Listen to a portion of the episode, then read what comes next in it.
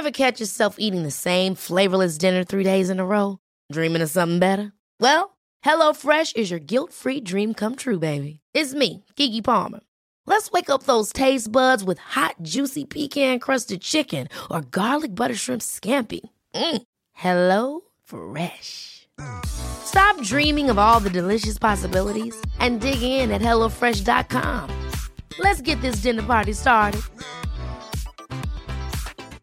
Life is full of awesome what ifs, and some not so much, like unexpected medical costs. That's why United Healthcare provides Health Protector Guard fixed indemnity insurance plans to supplement your primary plan and help manage out of pocket costs. Learn more at uh1.com. When you're ready to pop the question, the last thing you want to do is second guess the ring.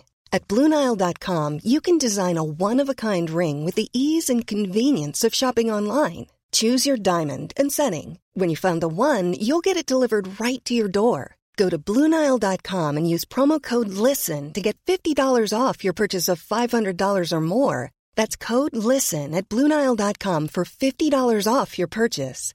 Bluenile.com code LISTEN.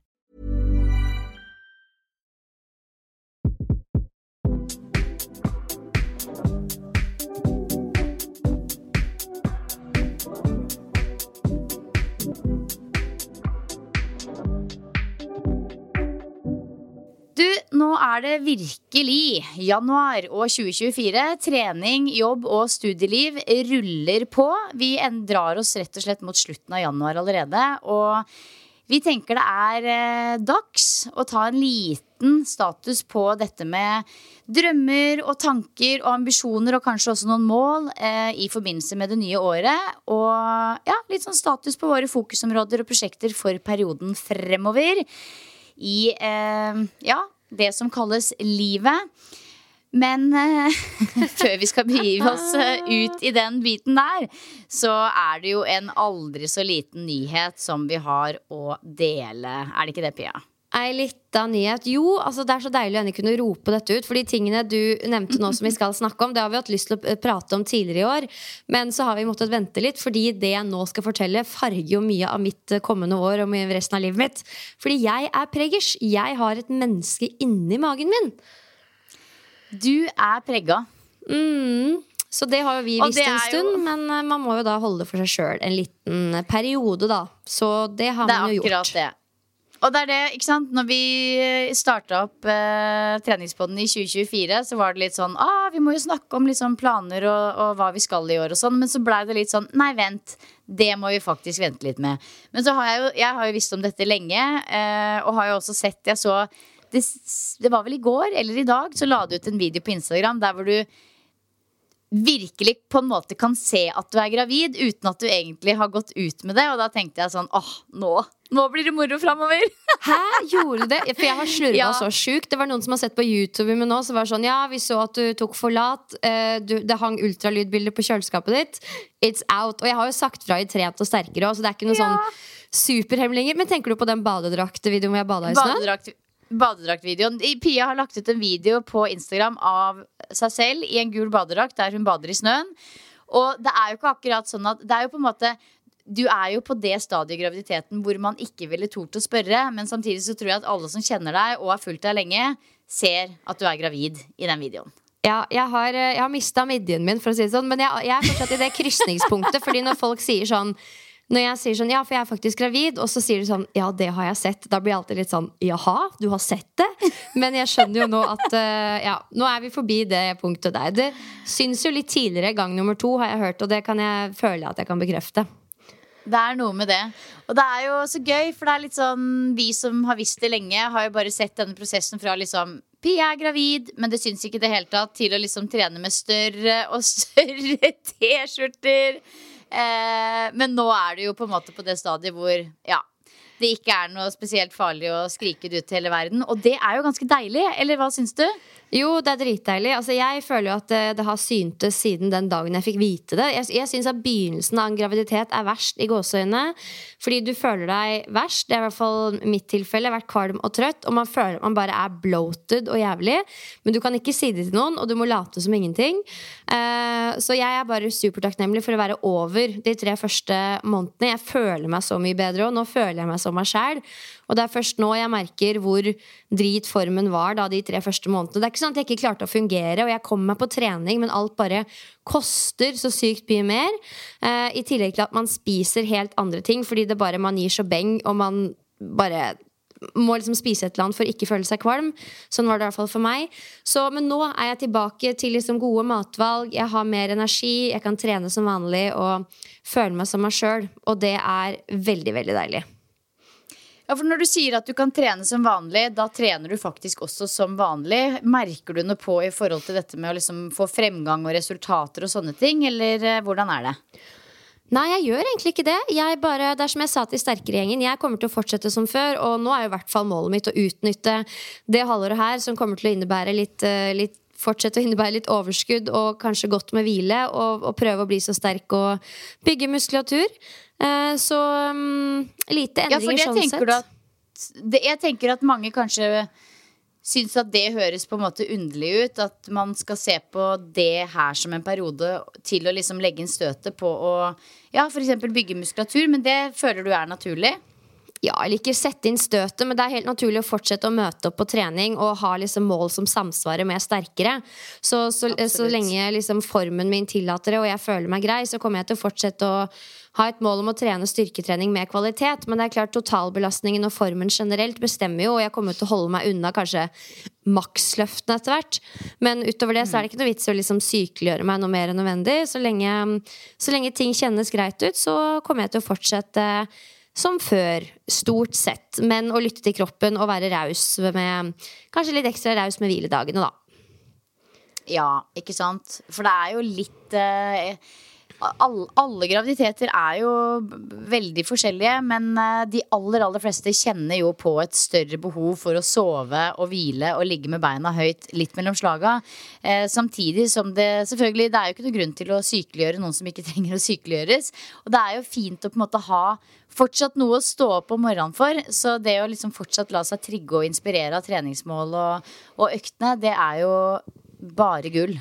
Absolutt. Så det er på ingen måte noe sykeliggjøring, men jeg, jeg, prøver å være god på å tenke på dette her som en liten ekstra jobb. Eh, at eh, jeg tar hensyn til at det er en belastning som jeg, kroppen nå skal gjøre i tillegg til mye annet. Og det spiller inn på alle arenaer i livet. Da. Så både trening, men også sånn ellers. At man er flink til å være raus med seg selv og legge til rette for ja, Hvis jeg vil bruke masse tid på trening, så må jeg kanskje ta det fra et annet sted. Hvile mer, sove mer. Litt sånne ting, da. Mm. Så nei, det er spennende. Jeg fant jo ut dette her når jeg var på treningsreise i oktober, og det var ikke noe god følelse, for da var jeg altså så trøtt og sliten og skjønte liksom ikke helt greia. Hva var det for noe? Og så fant jeg det ut når jeg var der. Um, så nå er det vi spiller inn, så er jeg hvert øyeblikk 17 uker på vei og har termin da mot slutten av juni, begynnelsen av juli. Mm, ikke sant. Så det er jo fortsatt en liten, en liten, en liten stund til. Men altså, det er jo ingen tvil om at dette her er jo på en måte det som kommer til å prege året ditt, og hva du fyller året ditt med. Det ville jo vært veldig spesielt om vi skulle snakke om Uh, mål for 2024 uten å snakke om dette her. Fordi dette her er jo på en måte Det kan jo ikke bli større. Nei, det er jo i hvert fall Det preger absolutt alt man gjør. Så det å snakke litt om treninga mi i 2024, som vi gjorde tidligere, det var greit. Men når vi skulle gå inn på liksom livet totalt sett, så var jeg litt sånn Da må vi nesten ha sagt det først. Eh, men det er klart, jeg har jo måttet endre fokuset mitt litt, for jeg var jo inne i en uh, hardcore gaining face når jeg fant ut av dette her. Mm. eh. Og det var litt sånn uh, Det tok litt tid å, måtte om, å liksom omstille meg fra det. Fordi første gang jeg fikk vite at jeg var gravid, så var jeg så innmari klar for å legge bort meg sjøl og min egen trening og bare ta det piano. Jeg var liksom ikke midt inni noe. Jeg bare var skikkelig klar for å gjøre noe helt annet. Mens nå kom det som et sånt lite avbrudd i, rett inn i noe som jeg syns var skikkelig gøy å holde på med. Så det var litt sånn Selvfølgelig ikke en bummer, men litt bummer. ja, det er det lov å synes. Altså, det er jo man må jo tenke helt nytt på alle mulige måter. Men i forhold til dette kostholdsprosjektet ditt, da, hva gjør du med det? Er det sånn at du setter det på pause og tenker at du tar det opp på seinere tidspunkt? Eller er det litt sånn det du lærte av prosessen så langt, det er det du tar med deg videre? Uh, ja, litt begge deler, egentlig. Når jeg fant ut av det, så sendte jeg mail til han ernæringscoachen min med en gang og var sånn Det er ikke noe poeng for meg å gå videre med dette her nå, for nå er ting såpass endra. Eh, og da var det allikevel en periode på en måned, fordi det er noe sånn bindingstid-greier. Og da var jeg helt sånn der Dette har ingen mening for meg å drive og logge kostholdet mitt og holde på når jeg ikke har noe tydelig Nei. mål. Jeg vet at ting kommer til å gå hadundas ja. uansett. Eh, så det, det, var jo en fin liksom, læringsprosess for meg å se at det å holde på med noe så målretta, det må være linka tett opp mot et konkret mål og noe du ønsker å få ut av det. Hvis ikke så er det veldig vanskelig å motivere seg til å, å holde på med det. da. Eh, så jeg tar med meg det jeg lærte, og det var masse. Og så skal jeg nok fortsette å ligge i overskudd, naturligvis, når man skal ha et barn. Men jeg har gått bort ifra liksom å telle og hele den biten der. Um, og så får vi se hva som skjer når Mini kommer. Men jeg husker jo hvordan det er når man har fått et barn, og nå har jeg liksom en toåring i tillegg. Altså, det tok mye tid å følge opp kostholdet sitt så tett. Så vi får se litt hva det blir egentlig når jeg entrer tobarns, uh, tobarnslivet. Det er ikke sikkert det er det som frister mest på en veldig god stund.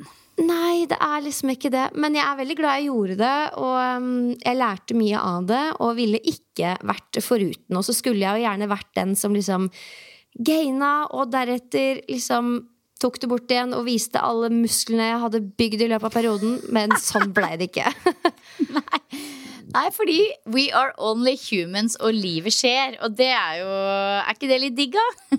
jo da, det var deilig, det, altså. Det var, eh, det var fint. Altså, alt, eh, mest av alt er man jo veldig takknemlig.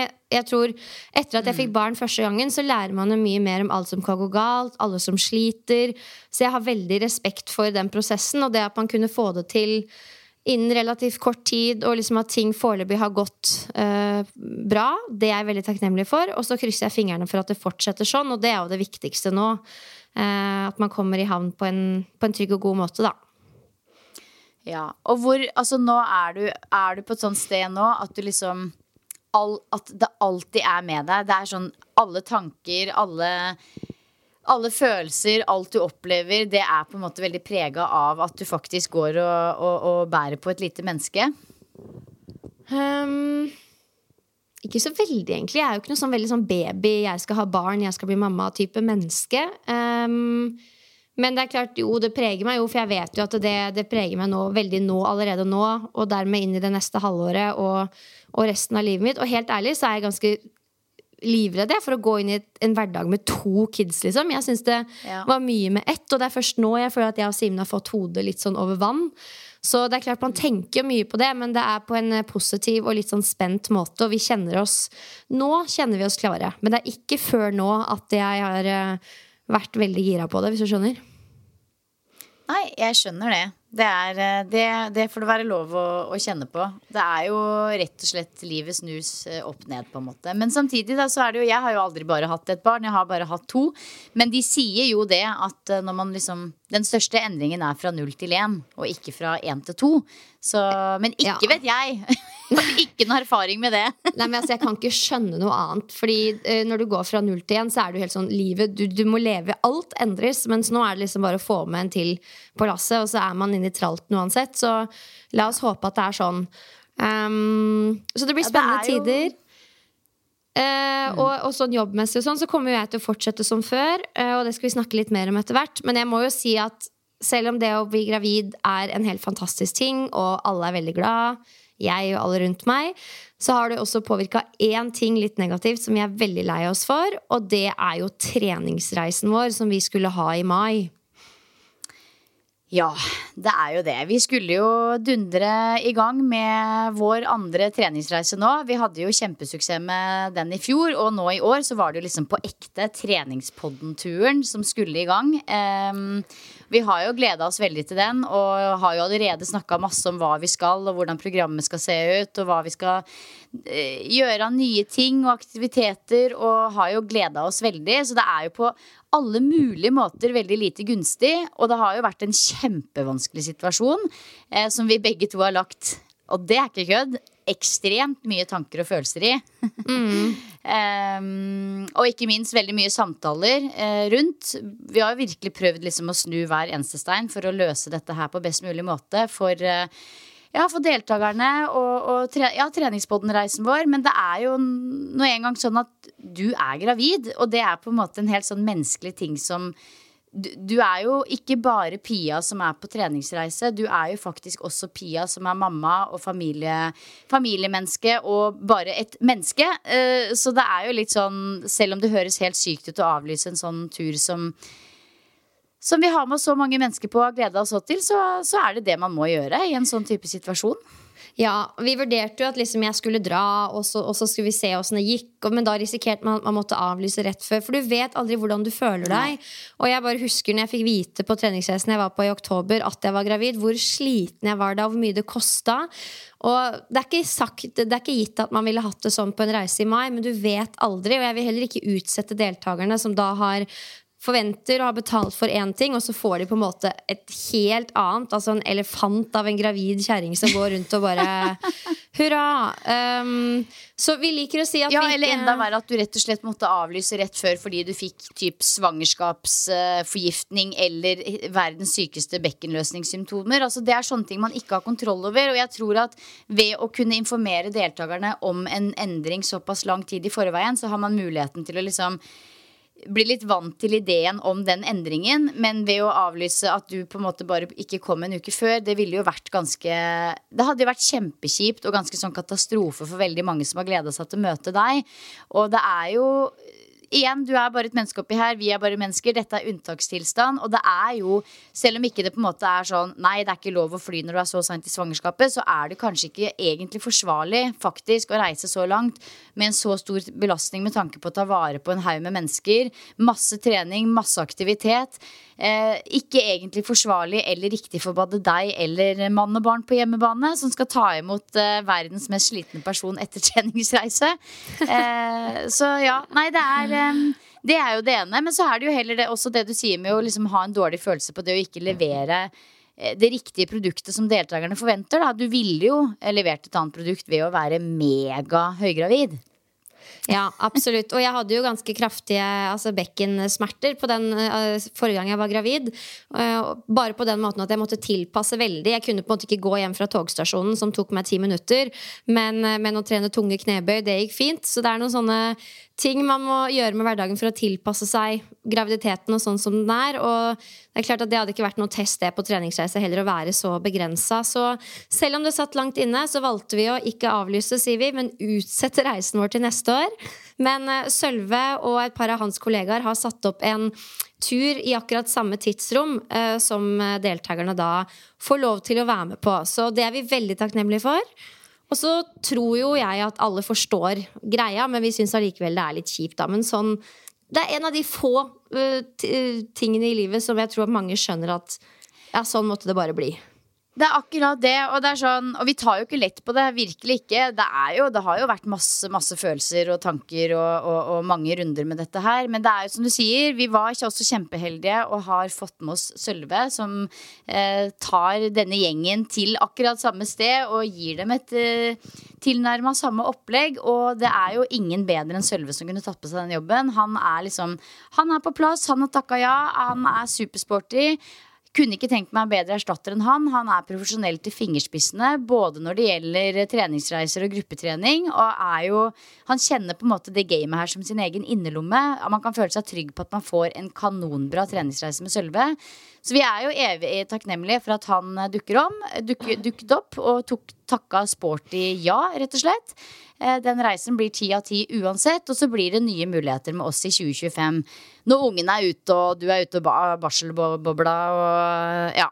Alt er på plass. Å herregud, Tenk at jeg skal inn i det kjøret der igjen. Ja, ja, Nei, Det blir spennende tider. Ah, ja. Og det er jo helt naturlig at når man liksom gjør en så stor ting som å bare rett og slett få en unge, liksom, så er det jo enkelte ting som blir litt annerledes enn sånn man hadde planlagt. Sånn er livet.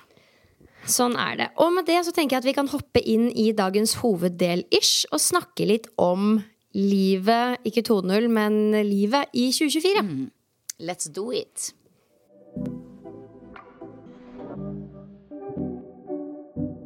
Ja, Silje, der borte i Ossi, har du, eh, har du hot girl-walka mye, eller? ja. Vi hørtes ikke Nei. veldig gamle ut når vi sa den setningen der. Eller? Altså, tro meg, Det er en del blant denne jeg jobber med på adrenalin, som var sånn Nei, det har vært en ting ganske lenge også her i, her i Norge. på en måte Så vi er de to fossilene vi trodde Ja, vi var. det, men det står vi godt Vi i. er det, vet du. Å, det er gøy. Vet du hva, jeg har faktisk det, vet du. Nei, altså For dere som ikke hørte episoden sist uke og ikke vet hva vi snakker om, så er det bare at jeg nevnte at her i Australia så er det en aldri så lita fitness-trend som er veldig stor og veldig synlig, og det er hot girl walk-trenden. Der eh, heite damer går rundt i korte shorts og lange sokker med caps. Og går eh, i raskt tempo og tenker positiv eh, tenkning. Og ja da, I am one of them now.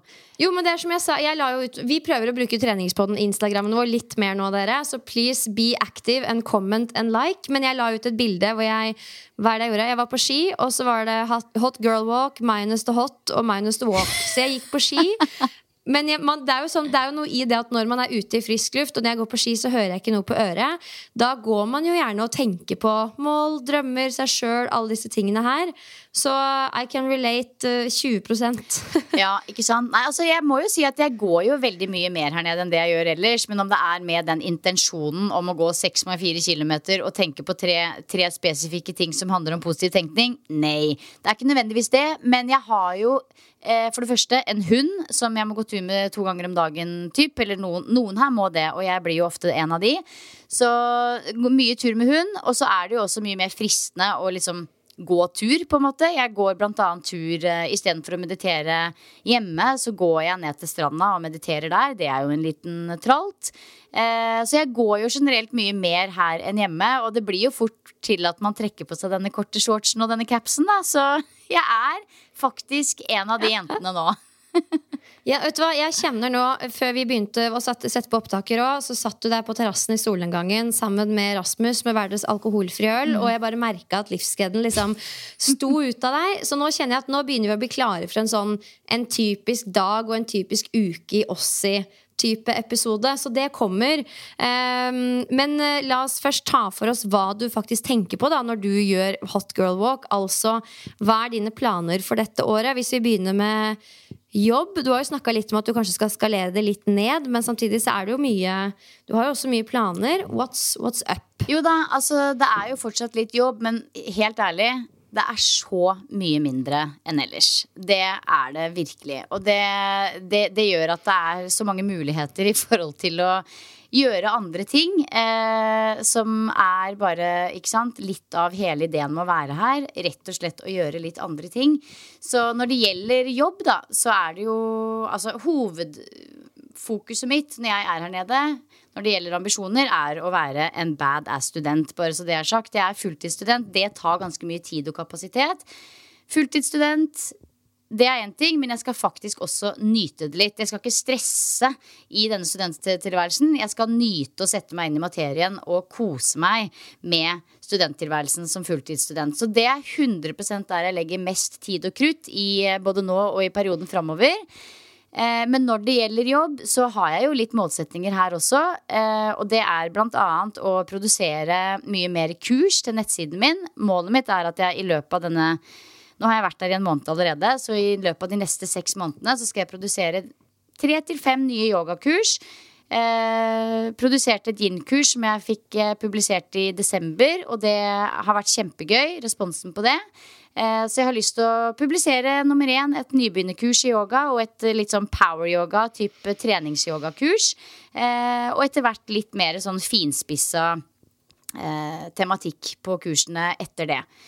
Så, så det, er, det, det er 100 eh, målsetningen med tanke på jobb. Og uppe gamet når det gjelder kurs på nettside. Så er det jo også litt sånn, ikke sant. Nå har jeg også Jeg, jo, jeg kjenner jo at det, det gir jo et slags giv også i treningspoden at vi nå eier denne podkasten. Den er vår, vi kan forme den som vi vil. Så det å gjøre treningspoden enda mer attraktiv og spennende, eh, enda mer dybde, enda mer ja, attraktiv for kanskje enda flere mennesker, er jo også et mål. Eh, Jeg syns jo det blir på en måte mer og mer interessant å drive podkast jo lenger man gjør det. Utrolig nok. Og Absolutt. ja, og, så det er jo også litt eh, Vi ønsker jo å bruke litt krutt der også utover. Så mm, den perioden jeg er her, så er det egentlig, ikke sant Det er eh, litt sånn det ukentlige jeg gjør, er å produsere kurs til nettsiden min. Det er treningspodden. Det er um, timer gjennom Nordic, altså live-timer som jeg holder her. Fire uka gjennom plattformen Nordic. Og så er det litt sånn andre ting også, som f.eks. et Zoma Move-kurs i februar som vi holder digitalt, eh, osv. Så, videre. så alt dette her er jo litt sånn områder som krever mye planlegging. Forberede gruppetimer, utforme kurs, uh, surre på nettsida og finne ut av funksjoner der. Alt dette her krever mye tid, uh, men det er likevel liksom det er altså det, det førsteprioritert av studiene, og så kommer alt dette jeg snakker om nå, litt sånn uh, i andre rekke. Ja, for dette her er jo veldig mange flytende ting som du har, mm. din, har, i din makt hvor mye du skal vie tid. Og sånn som du sier, surre på nettsida. Det kan fort ta en arbeidsdag eller to. Fordi det bare liksom Det er gøy, ja. og det er spennende, og det, det, baller på seg. Har du liksom en struktur, at du har skrevet ned i denne blokka di når du skal gjøre hva? Eller er du litt mer sånn da gjør, det, da gjør jeg det, for da passer det? Nei, nei, jeg er jo queen of structure, så sånn jeg liker å jobbe best, er jo at jeg har ikke sant? Mandag er dagen der jeg bruker masse tid på forberedelser. Da setter jeg meg på biblioteket gjerne og bare får unna absolutt alt. Forbereder alt som skal forberedes. Renser innboksen og får alt ned eh, som skal gjennomføres eh, resten av uka. Eh, og så, er det, så kommer det jo litt an på når jeg holder timer og litt sånne ting også, men eh, jeg har faste dager på når jeg jobber og når jeg studerer. Og så er det selvfølgelig også mulighet for flex. Så blir det en dag hvor det liksom høljer ned hele dagen. Så er det kanskje den dagen jeg sitter på biblioteket istedenfor. Så litt flex er det jo, og samme med at vi også følger litt sånn Ok, i dag er det gode bølger da eh, drar vi heller og surfer, og så setter jeg meg kanskje heller ned på kvelden og jobber. Så det er jo absolutt mulighet for flex, men jeg er veldig avhengig av å ha en sånn ukentlig struktur. Mandagene ser sånn ut, tirsdagene ser sånn ut, onsdagene ser sånn ut. Og det er sånn jeg trives med å jobbe. Så, så alt dette her er ganske satt, ja. Ja, mm. Det er kanskje litt av målet der nede å ha liksom en hverdag. At det ikke bare er en sånn ferie med, med litt jobb her og der. Selv om mye av målet ditt er jo også å ha mer fritid. Ja, og det, det, er det. 100% Og det har jeg sagt til eh, de rundt meg veldig mange ganger. At idet jeg begynner å liksom få overtenning på diverse prosjekter som krever mye tid, da er det bare å sette ned foten og si nei. Fordi det er veldig fort gjort når man driver med ja, det vi driver med. ikke sant? Det er kjempegøy å lage yogakurs. Jeg kunne godt gjort det hver eneste dag jeg, og brukt ti timer på det. Men det er liksom noe med det å bare liksom holde seg litt holde litt igjen eh, og, og, lage en plan på at dette hadde vært gøy å få ut. Men noe mer enn det trenger jeg ikke å gjøre. Fordi når jeg først er her, da skal jeg faktisk også sørge for at tida går bitte litt sakte. For hvis jeg driver og fyller opp hver bidige time eh, med et eller annet som er produktivt og gøy, så gjør det likevel at tida går altfor fort. Og det er litt det som er tanken også, at jeg skal prøve å ha litt grann mer tid. Eh, og kjenne at tida innimellom går i litt sakte tempo. Men altså det er eh, Ja, det går jo litt i bølger, men det er liksom fort gjort når man kommer i litt sånn kreativ flow, at det tar litt av. Hvis du skjønner hva jeg mener. Um, ja, det er jo et luksusproblem. Og jeg er sikker på, jeg kan jo kjenne meg mye igjen i det fordi vi jobber for oss sjøl og driver mye av det samme. Men jeg er sikker på at det er mange andre som tenker sånn òg at dette er jo et luksusproblem. Jeg er i en liksom uh, mølle med hverdagsting som jeg ikke har noe kontroll over. Men mm. noe kontroll har vi jo alltid, og det du egentlig er inne på nå, er litt sånn grensesetting for seg selv. For jeg føler vi er veldig flinke til å mate på med nye arbeidsoppgaver. Bare jeg får gjort det, bare jeg får vaska det vaskerommet eller redde opp sengene, så kan jeg dra og trene, og så kan jeg gjøre ditten og datten. Mm. Jeg tror det er så viktig det du sier om å velge å liksom skru ned tempoet, akseptere at mailboksen er full når du stikker, for å få deg litt frisk luft. Altså ja. sette litt sånne grenser overfor seg selv. Ja, det er viktig overfor andre, men jeg tror veldig mange har godt av å sette grenser overfor seg selv og tillate mer liksom, eh, personlig eh, frihet og utfoldelse av hvem man er, og gjøre ting man liker. Absolutt. Og det er jo også noe med at jeg ser jo jeg kunne, altså Sånn som jeg lever livet mitt nå Jeg vet ikke om det er sånn jeg ville hatt det de neste ti årene, men jeg ser jo at dette her har jo en endedato. Og jeg vet jo, og ser i kalenderen min, at høsten er allerede fullbooka. Det, det, blir ikke noe rolig Det blir ikke noe stille og rolig høst på meg. Det er fylt opp med yogahelger i Norge, yogauke i Hellas, masse kurs, masse venter. Så den våren her og den sommeren her, eh, nå snakker jeg norsk tid, det handler om å gjøre mye av det jeg ikke får tid til ellers hjemme, eh, og bruke oppmerksomheten min og kreativiteten min på litt andre ting. Og det er liksom tanken på at jeg nå skal produsere masse kurs som kan ligge på nettsiden min og blomstre i all evig tid. Det er ganske digg. Eh, og jeg har også litt sånn Alt dette som jeg snakka om nå, det er litt sånn ting som jeg skal gjøre, og det kommer jeg til å gjøre. Men jeg har også en liten drøm hvis jeg ser at det blir eh, nok overskudd til å kanskje også dele enda mer rundt min egen erfaring på det som går på meditasjon. Jeg har jo praktisert eh, har jo en god, eh, grundig meditasjonspraksis som jeg har hatt over mange år. Og jeg kunne egentlig tenkt meg å dele mye mer av den. Eh, og optimalt sett kunne jeg kanskje tenkt meg å ha tatt en yoga eller en teacher training på meditasjon først. Selv om jeg tror eller egentlig så jeg tror ikke jeg vet at jeg på alle mulige måter har, eh, har nok eh, kunnskap både teoretisk og, og erfaringsmessig. Men, men, eh, men, ja, hvis jeg kommer over en god meditasjonsutdanning her nede, som det passer å ta i forbindelse med familielogistikk og andre ting, så, så har jeg lyst til å ta en teacher training i meditasjon for å ha enda mer kvalitet og støtte i den grunnmuren, og kanskje også utforme mer her. Så, så vi får se. Det er, det er mange, mange, mange stringer å spille på. Ja, Det hadde vært veldig interessant. Det fikk jeg lyst til å lage en episode om. fordi Altså, kanskje du kan lære deg enda mer om, om, faget rundt det og psykologien og hurra meg rundt, men det som motiverer oss vanlige folk, da, det er jo å høre andre individers erfaring. Hva skjedde når du gjorde det? Det er kanskje det som kan motivere meg til å faktisk gjøre det, for da får jeg svart på hvitt hvilke fordeler det har gitt deg. Det er jo det ja. som potensielt liksom trigger noe i mange av oss. og kunsten med noe som meditasjon er jo å klare å gjøre det enkelt nok og intriguing nok for at vi travle mennesker skal gidde å ta oss tid til det. Så I am all for you sharing your personal experience. ja, og det er jo kjempegøy at du uh, syns at det er spennende. Jeg tror jo egentlig at veldig mange syns det, og det er jo nettopp det at det er veldig sånn personlig uh, erfaringer som, som, kan være veldig ulike. Altså Min erfaring er jo med meditasjon mye forskjellig, men bl.a. at jeg føler meg mye mer rolig og, og, stødig i litt sånn stressende prosesser. Ta f.eks. den treningsreisen. Hadde det vært meg for fem år siden, så hadde jo jeg hatt magesår og angst i tre måneder av å avlyse noe sånt.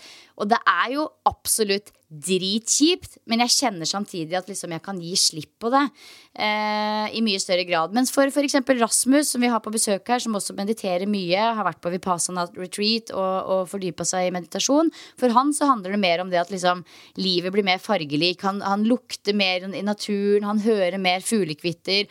Alt i livet blir mer tydelig. Og det, det er liksom, man har forskjellige motivasjoner til å bruke mye tid på meditasjon. da.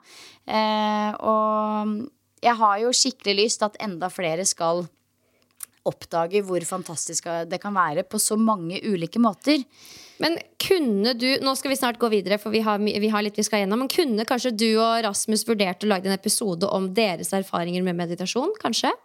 Absolutt. Dere, kanskje dere ikke rekker det? Ja, tenk litt på det. Jo, jo, altså vi skal jo være her et halvt år. Vi, vi har masse tid, vi. ja Det kunne vi absolutt gjort. Og hvis folk liksom tenker sånn åh, det ble litt for sært, så kunne vi lagd det som en bonusepisode.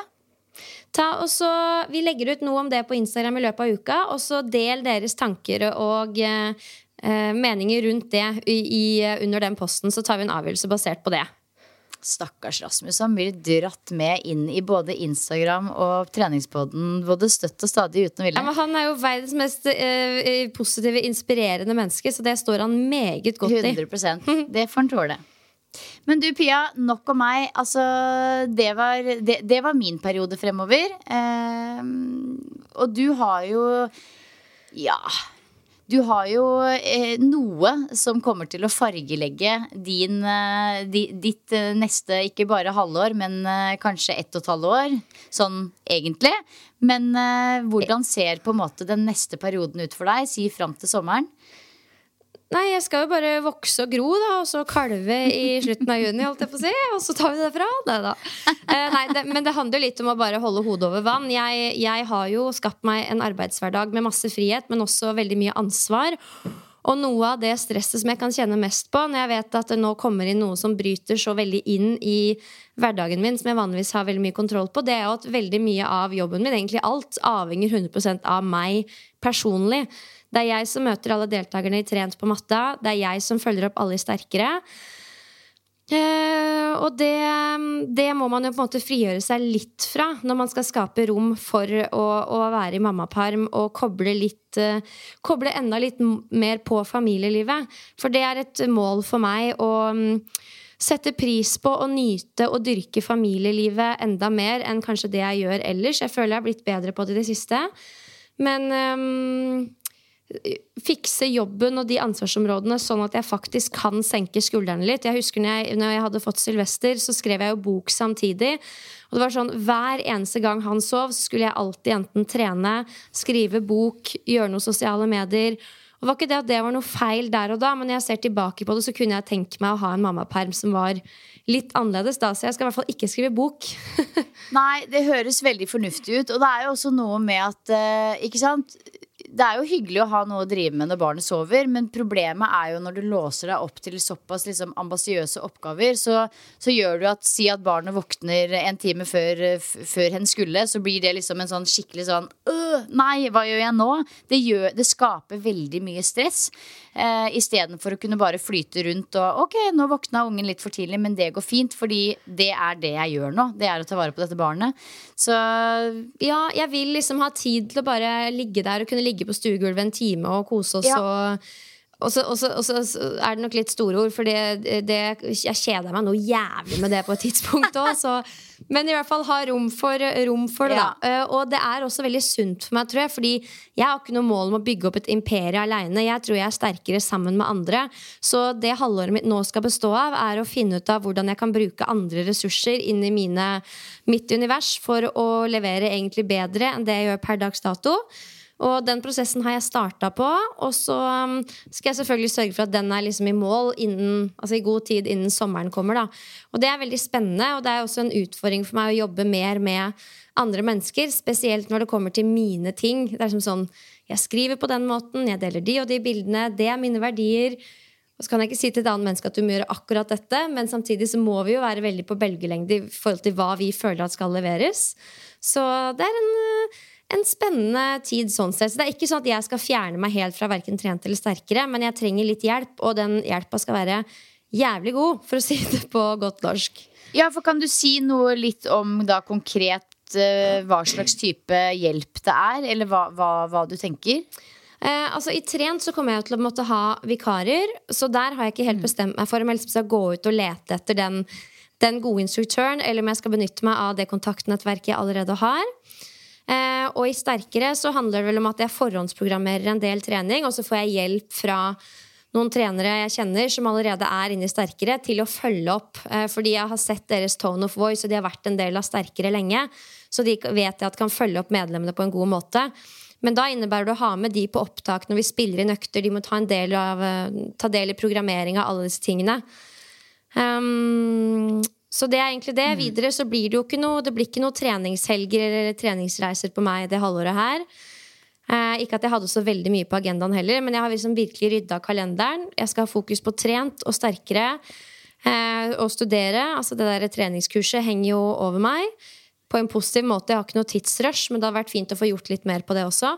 Så det blir rett og slett en, eh, en vår der hvor um, jeg har fokus på det som er aller viktigst, og sørger for at jeg er godt forberedt inn i ja, livet, livet 2.0.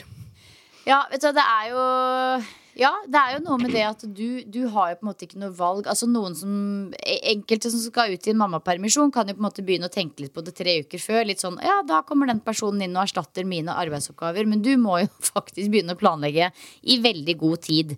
Um, ja. Men jeg er jo ikke i tvil om at du kommer til å finne gode løsninger. Nei, nei, det vet jeg. Men det er uh, løsninger må på plass. Fordi uh, ja, det er kanskje ikke ulempen med, med, ved jobben min, men uh, jeg tror det er mange som tenker at det jeg driver med, herregud, piece of cake ute på ski midt på dagen en tirsdag når det er sol, så nydelig. Og det er kjempenydelig, men det er også belønninga man får, nummer én av å jobbe hardt lenge, men også å hele tiden være litt på, da. Og sånn er det når jeg får barn og Jeg kan ikke koble helt av, men jeg skal vite at folk er i gode hender hvis jeg har et økedøgn og må være borte fra telefonen i 24 timer. Det er alt jeg er ute etter. Ja. Ja, ja det, det må man vite. Ja. Så det er egentlig alt sånn på jobbfronten. Jeg skal også liksom ta en refresh på gravidtreningskurset mitt og trening etter fødsel, så ting har jo skjedd der på fagfronten siden sist. Så de to kursene skal relanseres, og jeg har annet en spennende dag på NIH i løpet av våren, der hvor de skal presentere den nyeste forskninga innen blant annet det her med delte magemuskler, men det er også en del andre sånn spennende temaer, da.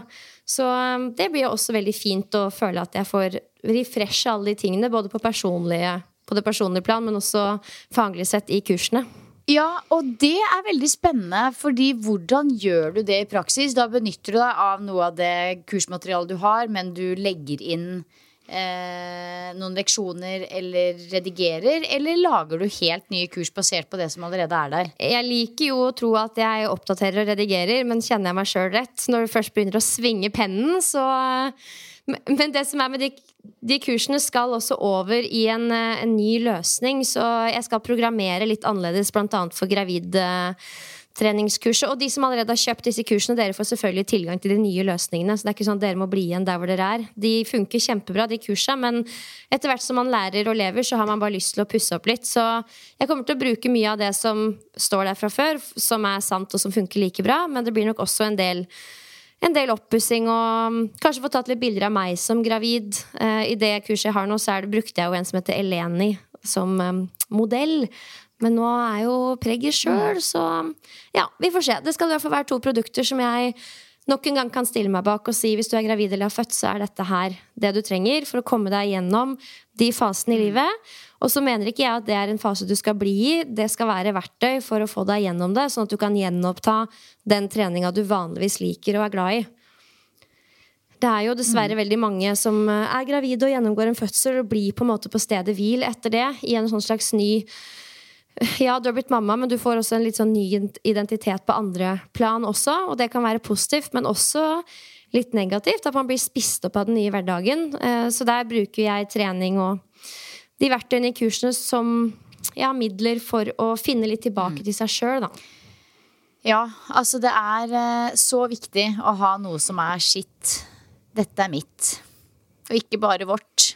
Mm. Virkelig å dyrke, dyrke seg sjøl. Og det føler jeg jo at vi er gode eksempler på. Da Silje, på godt og vondt. Det er sikkert noen som blir lei av å høre oss to prate om oss sjøl, men det er jo fordi at vi føler at vi lever ut mye av det vi syns er viktig, og ønsker å preke det videre. Og så er vi på ingen måte feilfrie at all. Men uh, for oss treningspodden, mange tenker at det kanskje bare handler om trening, og mesteparten av tida så gjør det jo det, men for oss er det jo også så mye helse i Nettopp selvutvikling, ta ansvar for seg selv, sørge for at man selv er lykkelig, grensesetting. Og derfor dukker det opp episoder som dette her med jevne mellomrom. Ja, og det er jo Altså, jeg tenker sånn Trening er kjempespennende, men det er jo også på en måte bare en sånn, et sånt element i et liv. Eh, altså et helseliv. Når vi skal snakke om eh, Hadde det kun vært trening i treningspodden, så vet jeg ikke om treningspodden hadde overlevd i eh, såpass mange år som den har overlevd. Helse er så mye mer. Eh, og det er så komplekst, og det er så stort, og det er så mye. Så jeg er veldig, veldig takknemlig for at vi kan snakke om andre ting enn bare fysisk trening i denne podkasten. Ja, absolutt. Um, men når det er sagt, da. Nå har jo vi vært litt igjennom hva som venter i framtida for oss to. Og da kan vi jo gå videre til noe hardcore training stuff idet vi entrer nerdehjørnet.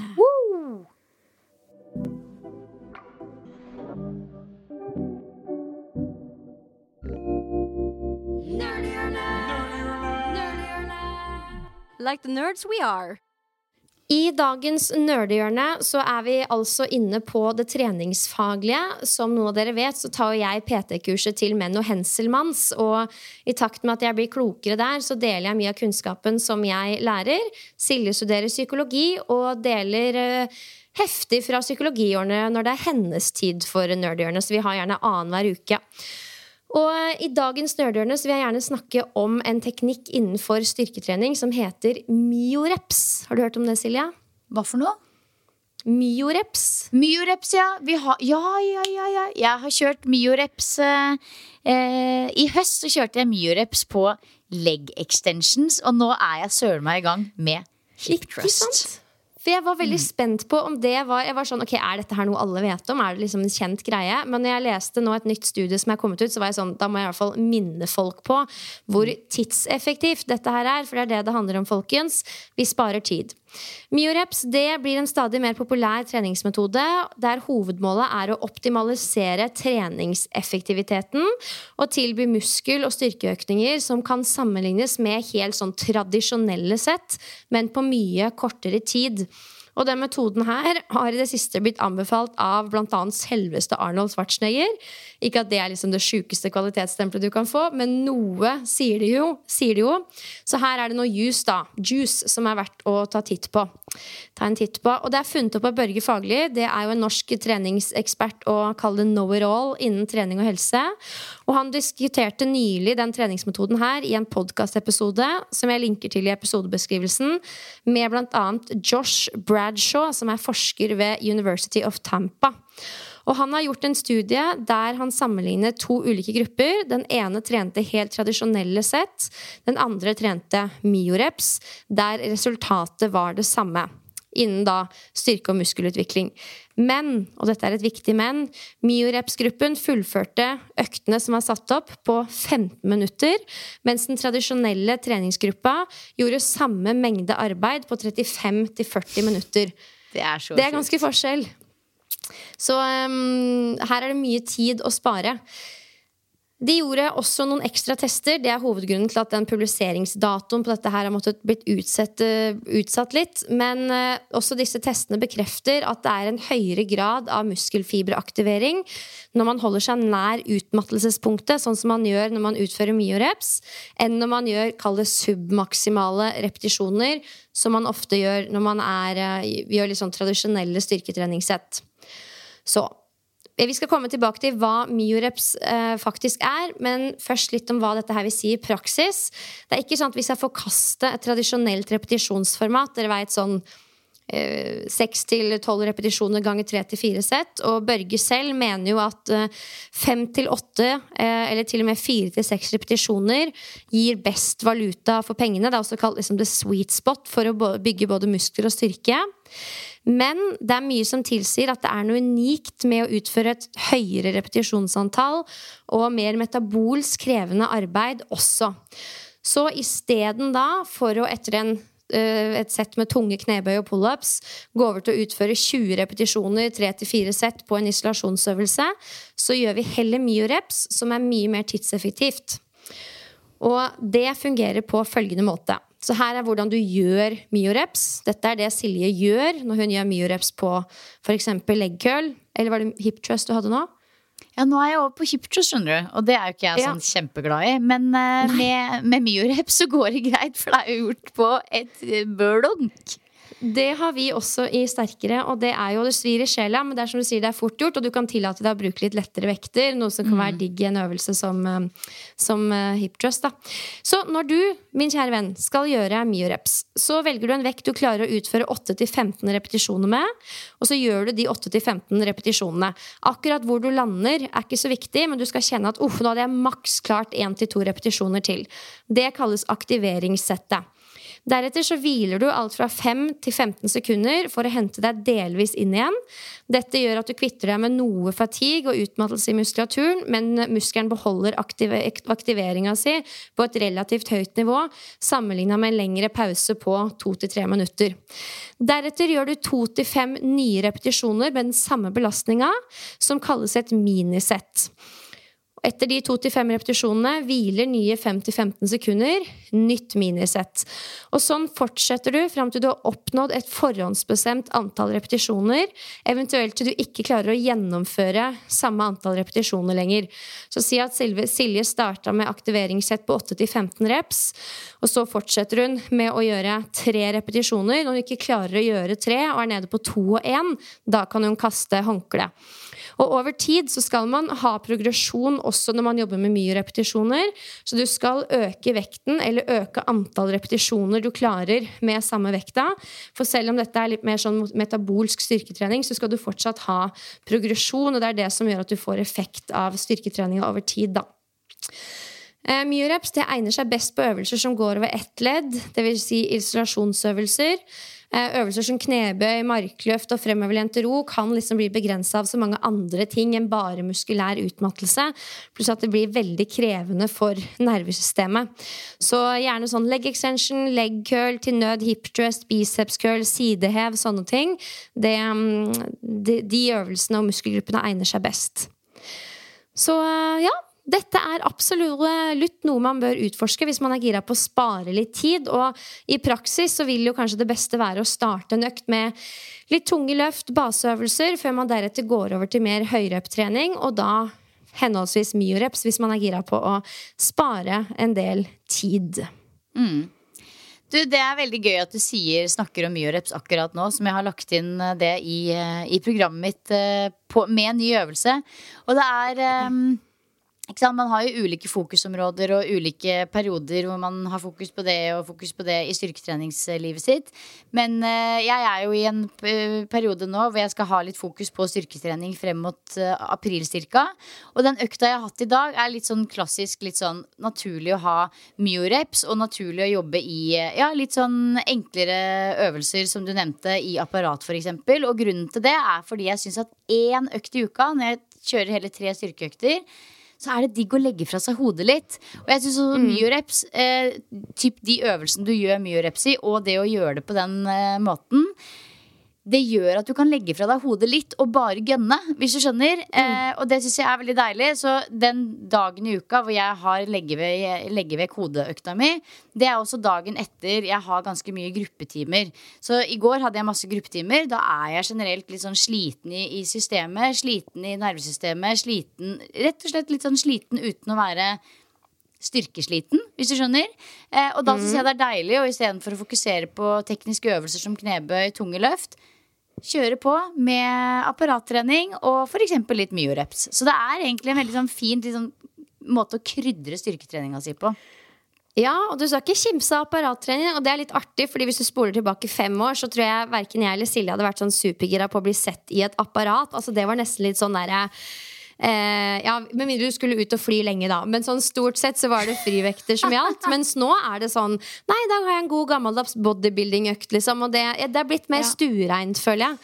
Um, og Børge selv sier jo, eller understreker jo det at kroppen er jo en kompleks organisme med flere systemer som krever ulike, ofte motstridende stimuli.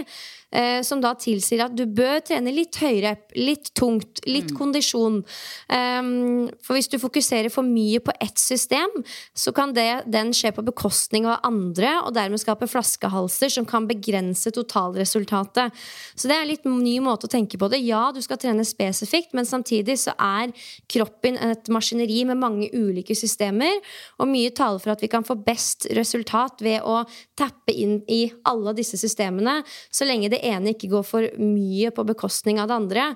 Med mindre du ønsker å være superallsidig og sirkusartist, crossfit-inspirert atlet, mm. selvfølgelig. Mm. Ja, det er gøy. Jeg har veldig troa på det. At det er eh, fint å ha ja, både fokus på tekniske eh, maksløft, men også eh, få lov å kose seg i apparatet med liksom 12-15 reps, på en måte, og legge Absolutt. fra seg hodet hjemme. Så ja takk, begge deler. Ja takk, begge deler. Jeg har lagt inn dette her de siste månedene i Sterkere på slutten av øktene, og det er fascinerende å se hvor mye tid vi sparer, og hvor mye vi setter pris på nettopp det. At ting går raskere, og når det i tillegg gir de samme resultatene, så er dette her noe du bør kikke Millions of people have lost weight with personalized plans from Noom, like Evan, who can't stand salads and still lost 50 pounds. Salads, generally, for most people, are the easy button, right? For me, that wasn't an option. I never really was a salad guy. That's just not who I am. But Noom worked for me. Get your personalized plan today at Noom.com. Real Noom user compensated to provide their story. In four weeks, the typical Noom user can expect to lose one to two pounds per week. Individual results may vary. How would you like to look five years younger? In a clinical study, people that had volume added with Juvederm Voluma XC in the cheeks perceived themselves as looking five years younger at six months after treatment. Look younger, feel like you. Add volume for lift and contour in the cheeks with Juvederm Voluma XC. Reverse signs of aging by adding volume to smooth laugh lines with Juvederm Volure XC. For important safety information and to find a licensed specialist, visit juvederm.com. That's J U V E D E R M.com. Not for people with severe allergic reactions, allergies to lidocaine, or the proteins used in Juvederm. Common side effects include injection site redness, swelling, pain, tenderness, firmness, lumps, bumps, bruising, discoloration, or itching. There's a risk of unintentional injection into a blood vessel, which can cause vision abnormalities, blindness, stroke, temporary scabs, or scarring. Talk to a licensed specialist to find out if it's right for you. Hey Dave, Yeah, Randy. since we founded Bombus, we've always said our socks, underwear, and t shirts are super soft. Any new ideas? Maybe sublimely soft. Or disgustingly cozy? Wait, what? I got it. Bombus. Absurdly comfortable essentials for yourself And for those facing homelessness. because one purchased equals one donated. Wow, did we just write an ad? Yes. Bombas. Big comfort for everyone. Go to bombas.com slash ACAST and use code ACAST for 20% off your first purchase. inn i. Utforske. Mm. Og med mm. det så hopper vi videre til ukas boost. Yeah.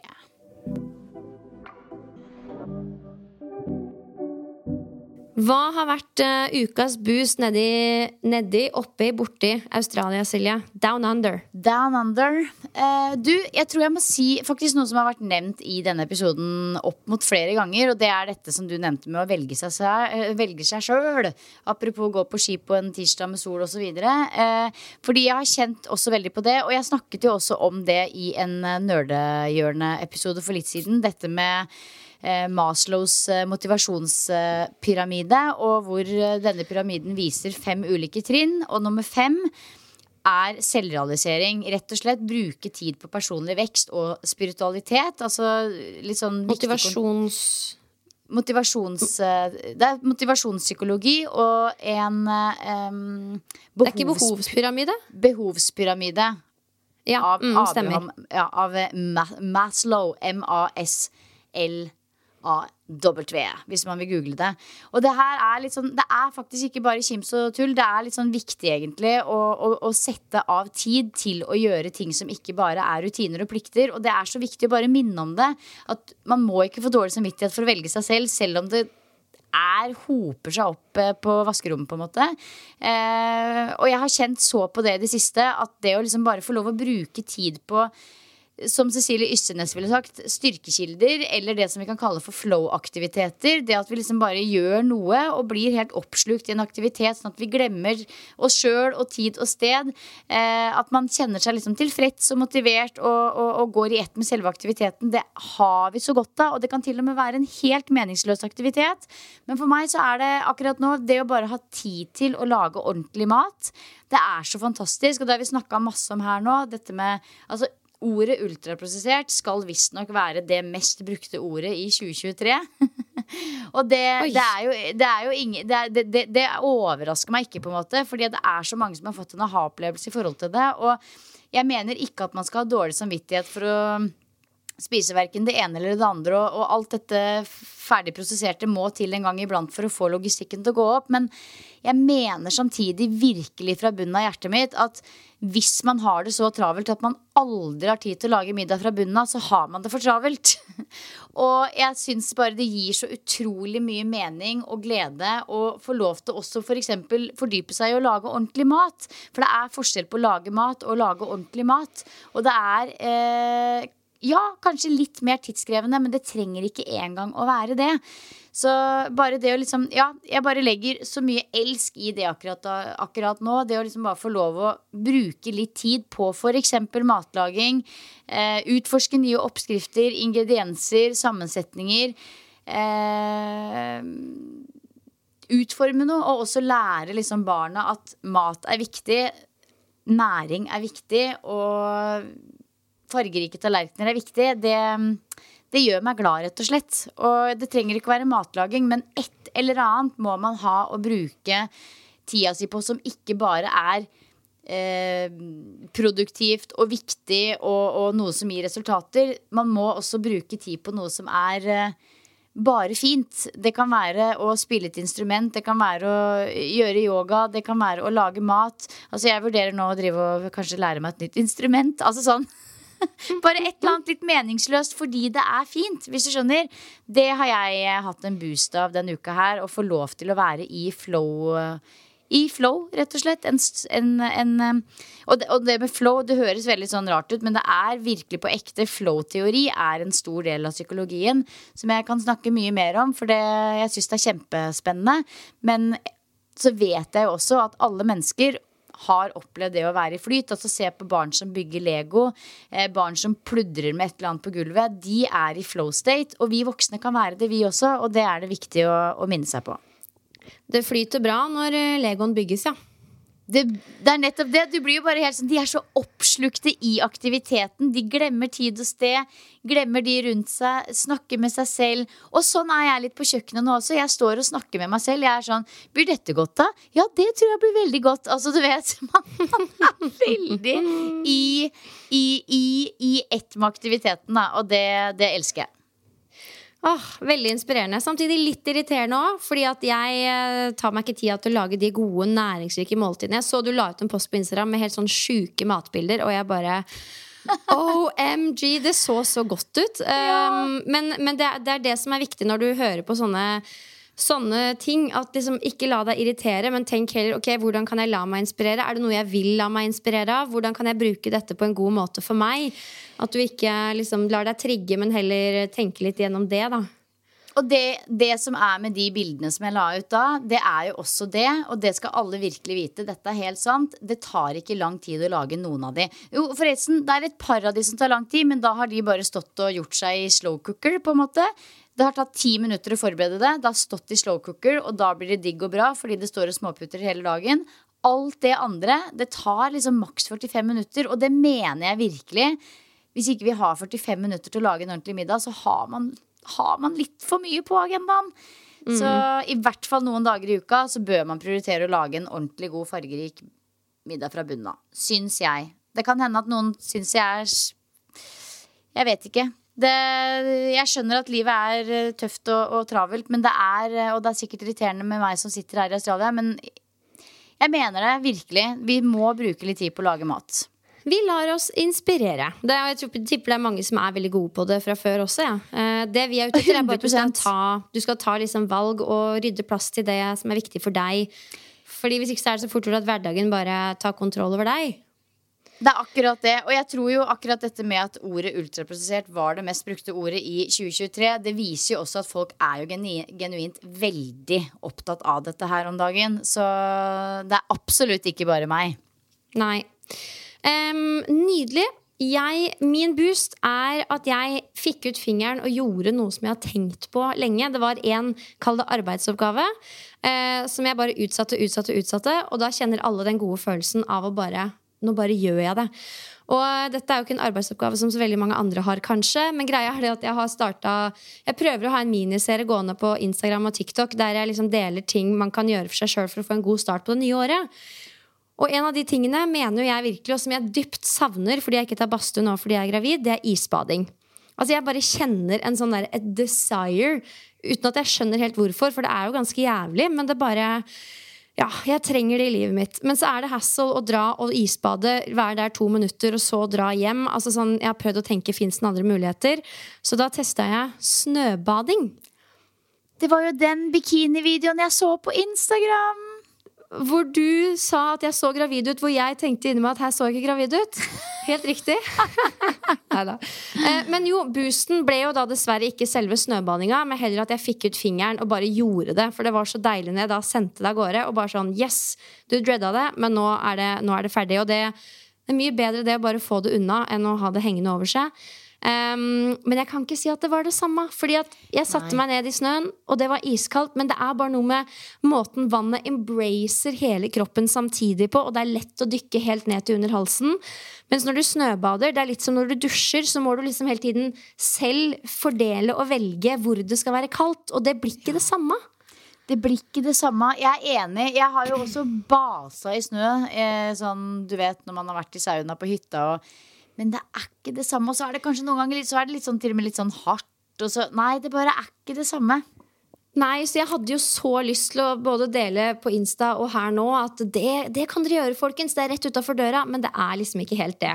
Um, så jeg, jeg baker inn et spørsmål nå, jeg er helt på tampen. Fordi jeg pleier å ta badstue, eh, og det er ca. ti minutters gange herfra. Men jeg kan jo ikke ta badstue nå. Er det innafor å gå til den badstua og kun benytte stigen og brygga til å bade uten Ja. å bruke badstuefasilitetene? Ja, det tenker jeg det er.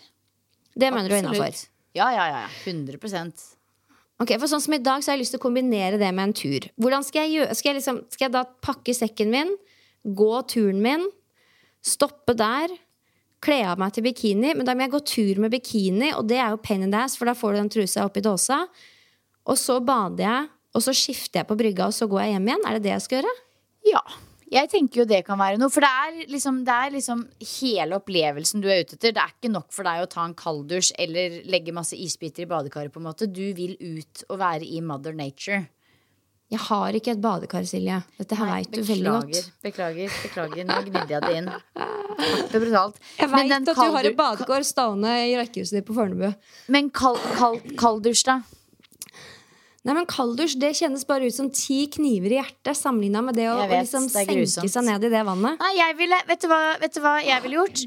Jeg ville invitert med noen, jeg, på et eh, på en, på, på, Ja, rett og slett på et uh, kuldebad. Hey, men jeg vil ikke ha med andre. Å, nei, Nei, jeg vil det aleine. Det er mer dette Ja, men her da gjør du det al- Ja, jeg må komme over terskelen, for jeg, akkurat nå virker det så sykt hassle å pakke bagen og gå ned og styre og ordne og stå der i trusa og dåsa og hurra meg rundt. Men eh, ja, nei, da skal jeg bare gjøre det i dag, da, så får vi se åssen det går. Jeg syns du skal gjøre det. En liten fun fact er at jeg akkurat, akkurat fikk vite veldig nylig Altså sånn Cold water therapy er jo også helt enormt stort her i Australia. Og Wim Hoff bor hund... Altså ja, én times kjøring opp langs kysten her. Jeg så du la det ut, for du bada i en fryser, og så skal han kameraten Ja. eller noe? Ja, ja, altså her er det kjempestort. Altså, det er umulig å finne fryser i Australia om dagen, for det er så stor trend at alle har kjøpt seg en ekstra fryser for å ha i garasjen eller bakgården, som de har iskaldt vann i. Og alle driver med cold water therapy, i hvert fall sånne friskuser. da eh, Og han selveste Wim Hoff, vi sjekka det ut her, han skal holde en svær konferanse rett, altså to timer unna, i nærheten av Brisbane i februar. Eh, en sånn helgegreie med liksom to netters overnatting og mat og hotell og alt mulig sånn. Og det kosta jeg tror det kosta 10 000 kroner, så jeg syns det var litt grann stivt. Men det hadde jo samtidig vært helt sykt gøy å dra på konferanse med Wim Hoff. Så det, var, det er nesten under vurdering. Skriv deg på firmaet. Herregud, det er ikke noe problem. Men gjør det for oss. Ja, det hadde vært gøy. Eh, bare å møte hofferen, liksom. Eh, det hadde jo vært helt sinnssykt. Men ja, det er i hvert fall veldig lol. Jeg hadde aldri sett for meg det. Altså, Sist jeg var i Australia, det, var, det er ikke lenger enn 2022 siden, men det var ingen som snakka om cold therapy og, og at man skulle bade i frysere da. Nå gjør veldig mange det. Så den trenden, den tar av, for å si det sånn. Åh, og det er jo, vet du hva, det kan vi nesten gjøre litt research på til neste gang. Fordi det er jo blitt så sinnssykt populært. Og det, altså, ting blir ikke så populært med mindre det, er, det gir folk en eller annen følelse som gir de lyst til å gjøre det igjen. Eh, men det er jo også veldig mange helsefordeler eh, ved det. Og så er det også noen som har pekt på at det, det stopper opp eh, betennelsesreaksjoner i kroppen. Um, altså Som også da muskelvekst er. Det er jo at kroppen reparerer seg selv, og du ønsker egentlig ikke å bremse den. Men så så jeg en eller annen del at det gjelder ikke for jenter. Um, nei, må denne må vi ta opp tråden igjen neste uke. Da tydeliggjør vi hva er egentlig helseeffektene ved kuldebading. Ja, Det er jo en dansk forsker som heter Susanne, tror jeg, eh, som har eh, undersøkt dette med cold water therapy grundig. Og hun har jo gjesta både Huberlab og hun Leger om livet, og sikkert mange andre også. Eh, men Anette i Leger om livet vet jeg har en episode med henne. Og så går det an å høre litt på den. Den er veldig interessant. Eh, men akkurat det med kvinner og, og, og om det stopper eh, Det vet jeg ikke. Det husker jeg ikke noe om. Jeg har hørt noe Nei, om. det er en, en forsker som har spesialisert seg på nettopp kvinnehelse og å tydeliggjøre hvor store forskjeller det er mellom menn og kvinner. Ja, og problemet innen forskning på verdensbasis er jo at alt er gjort på menn. Mm. Og så sier vi at dette også gjelder for kvinner, men det gjør ikke nødvendigvis det. Um, men vet du hva, vi skriver det opp til neste uke, og så tar vi en runde på det. Og så skal jeg i dag gjøre det vi snakka om nå, og så tar jeg en vurdering på det. Ah, veldig spennende. Ja, for det er det som er så gøy. Det her starta jeg føler jeg som en litt sånn der, eh, morotrend under korona. Det var jo da vi begynte med det også. Rett og slett er og boredom. Vi, hadde det, vi, vi, vi måtte ha litt futt og krutt i livet, liksom, så vi begynte med ukentlig vinterbading. Men så har det jo, liksom, i takt med trenden, kommet masse mer forskning. Eh, ja, det er, det er et eh, spennende konsept, altså. Absolutt. Ok, bra. Og med det, og med det, så tror jeg vi skal runde av ut. eh, ukens episode, altså. Det er jo fantastisk å få lov å skravle med deg eh, hver eneste uke, Pia. Og vi er veldig glad for at dere som lytter, faktisk lytter. Så tusen, tusen takk til deg som lytter for at du hører på Treningspodden. Eh, hvis du liker det du hører, så er det alltid hyggelig med en liten eh, kommentar på iTunes. Og ønsker du å samarbeide med Treningspodden i 2024, så er det bare å sende oss en melding. For det er det store muligheter for. Mm. Og på iTunes må man huke av for sånn hør på oss, da. Men sånn fem stjerner rating hvis du føler at det er good stuff, det, det, men det betyr så mye, liksom. Det betyr virkelig mye. Ja, jeg føler virkelig ikke at vi maser mye om sånn som dette, men uh, ta deg gjerne et minutt til det. Hvis du gidder og har lyst. Ellers må du ha en fantastisk uke videre. Vi poddes. Ha det bra. Ha det godt.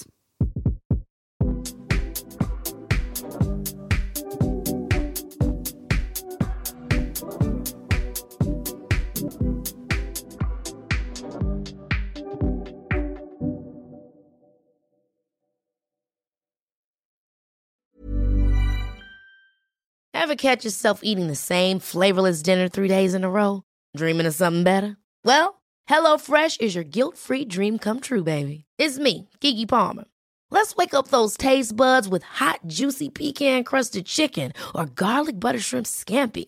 Mm. Hello Fresh.